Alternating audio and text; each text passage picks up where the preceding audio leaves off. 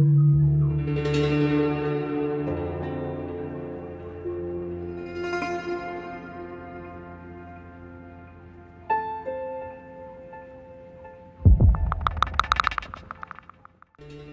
malam, kembali lagi nih bersama kita di Cermisnet cerita mistis netizen. Netizen.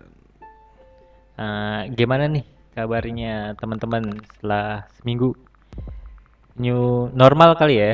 Iya, Masih new normal gimana nih keadaannya? Masih produktif kah atau gimana? Selanjutnya mungkin kita akan cerita yang kemarin ya, Ya, terusannya ya. dari episode yang pertama. Ya. Da- dari siapa sih kemarin? Ya, jadi kan dari 15 orang kemarin ikut sama Mas Bayu. Hmm. Di sini ada Mbak Ana yang berbagi ceritanya ke kita melalui WhatsApp ya. Karena WhatsApp kan, ya? Ya, karena kan lagi social distancing. Mm-mm. Oke, kita lanjut aja ke yang kedua. Di sini gue bakalan bacain cerita dari Mbak Ana Iya. yang ke Ceritanya di sini Mbak Ana share ceritanya. Gue bacain. hmm, Gue dan komunitas Koper Bagasi mau cobain ngetrip di luar kebiasaan kita, yaitu river trekking atau jelajah sungai di kaki gunung salah satu di Jawa Barat. Kebetulan sungai yang mau kita susurin bukan tempat wisata umum, cuman warga sekitar aja yang tahu jalur sini. iya. Kita ngecamp di area terbuka seperti lapangan. Begitu nyampe, langsung buka tenda dan kita ngabisin siang main-main ke jalur sungai yang mau kita susurin. Tapi nggak sampai naik ke atas. Ini baru curug yang pertama lah. karena ada tiga curug Iya. Nah, auranya emang sih berasa mistis banget. Cuman saat itu kita positive thinking aja. Karena ini daerah yang lumayan jauh dari perkampungan dan bukan jalur umum. Jadi cuman ada rombongan kita aja. Di hari pertama susur sungai, gak ada kejadian aneh-aneh. Tapi pas malam setelah pulang dari sungai, barulah berasa di salah satu tenda udah ada penampakan sesosok wanita. Terus pas kita tidur, ada tiga orang teman yang berjaga di luar. Satu orang di hemuk dan dua orang tidur di matras. itu malamnya ya Ya, pas malam selesai dari trekking. iya iya Lewat tengah malam, temen yang tidur di hemuk ngerasa digoyangin hemuknya kenceng banget. Dia pikir temen yang tidur di matras bawah yang ngisengin bangunin. Hmm, hmm. Begitu dia buka mata, tahu-tahu ada sesosok perempuan, bisa disebut juga kuntilanak, dari atas kepala dia dan turun ke kepala dia. Hmm. Langsunglah dia bangunin dua orang yang tidur di matras dan mereka pindah ke dalam tenda. relate ya sama cerita yang kemarin ya Sekitar jam 1 pagi, gue kebangun karena denger temen kedinginan. Dia emang lupa nggak pakai jaket dan jaket jaketnya di tenda lain. Tapi dia nggak mau keluar karena males dan balik tidur lagi sambil dempet-dempetan karena merasa kedinginan. Herannya gue nggak bisa tidur, keberisikan sama suara, gam- suara gamelan. Gue sih positive thinking aja, mungkin ada warga yang lagi hajatan. Tapi kok ini gamelan Jawa ya? Padahal kan gue dan teman-teman lagi di daerah Jawa Barat. Tiba-tiba gue ngerasa kedinginan sampai ke tulang. Tapi cuman badan sebelah kiri doang yang ngerasa dingin. Terus pas gue lagi nahan dingin, gue ngeliat temen gue keluar tenda mau ngambil jaketnya. Begitu bangun dan gue tanya temen gue, ternyata dia nggak keluar. Nah terus yang tadi gue lihat di luar tenda itu siapa? Gue baru bisa tidur setelah dengar suara azan subuh. Begitu dengar suara azan subuh, suara gamelannya ini mendadak tiba-tiba hilang. Dan gue mimpi yang aneh, mimpi yang ternyata samaan sama mimpi temen gue yang ada di tenda lain. barengan tuh ya? Iya. intinya Nah pas bangun, sarapan dan kita mulai nyusur sungai ke atas nih. Ternyata banyak curug-curugnya itu kalau nggak salah ada tiga tingkat curug. Temen gue yang mau mandi bilang jalur ini tuh angker. Nah sepanjang nyusurin sungai kita sempat ketemu sama beberapa penduduk lokal yang lagi cari kayu bakar Atau berburu iya, lah. iya. selebihnya nggak ada siapa-siapa jadi berasa tuh sungai milik kita aja milik kita bersama Iya, beberapa teman ngerasa digangguin dan ngeliat sesuatu. Alhamdulillah sih gue aman dari gangguan selama nyusurin sungai. Singkat kata, kita balik ke tenda sore menjelang maghrib, langsung packing dan turun ke bawah ke tempat angkot nunggu. Nah, di sepanjang jalur turun ini, hampir semua teman gue ngeliat bayangan hitam-hitam dan dengar suara lolongan anjing. Gue sempat ngeliat beberapa kali bayangan hitam lompat-lompat ke bangunan kosong yang ada di sebelah kiri. Diliatin malah semakin mendekat. Langsung aja jalan kebut tanpa ngeliat kanan dan kiri. Mana gelap banget karena waktu itu kira-kira jam tujuan. Oh iya kita sempat dengar suara air mengalir.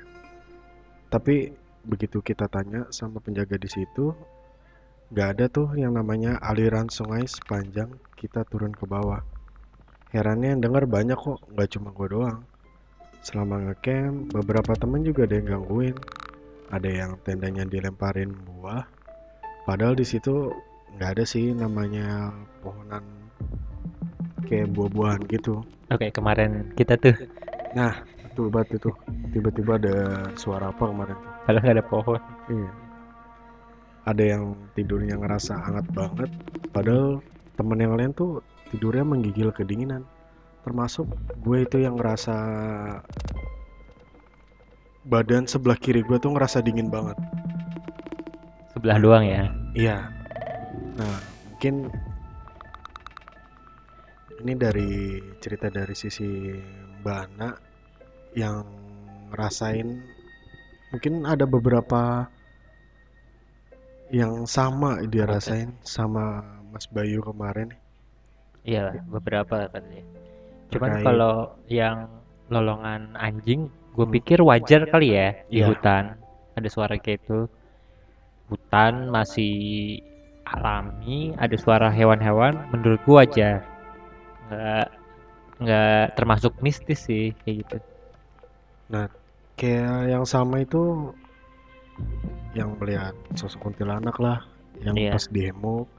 Terus yang kedua itu melihat bayangan hitam loncat-loncat dari pohon satu ke pohon satunya lagi dan ke bangunan kosong yang sebelah kiri ya pas turun ya. pas turun itu sebelah kiri emang itu bangunannya serem sih bangunan belum jadi rumah masih masih peluran semen gitu kan nggak selesai ditinggalin di tengah hutan ya mungkin jadi tempat mereka singgah kali ya Iya. Karena mereka setahu gue sih suka yang tempat lembab gitu sih. iya itu lembab nah ba- bangunannya tuh tuh ada akar-akar tanaman gitu Mhm. udah ditumbuhin Yang dengan di artian. Hah? dengan artian itu udah lama ditinggalin sama yang buat. Jadi wajar pasti ada penunggunya di situ.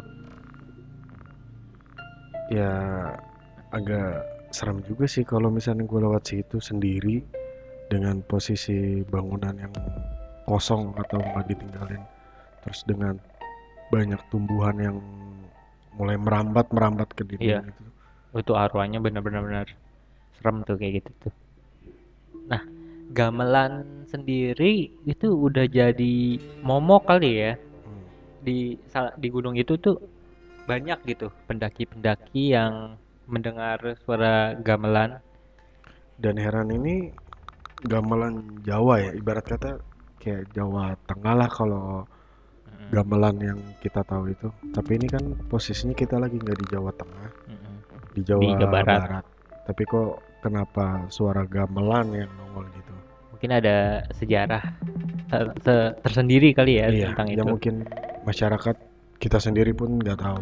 Nah, Iya. Ya, penduduk-penduduk setempat atau kuncen-kuncen situ Hmm. yang tahu kali ya apa sejarah yang terjadi di situ. karena memang banyak banget gangguan ataupun ya teror-teror lah yang dirasain dari teman-teman ini 15 orang 15 orang ya. selama ngetrip atau liburan di sana.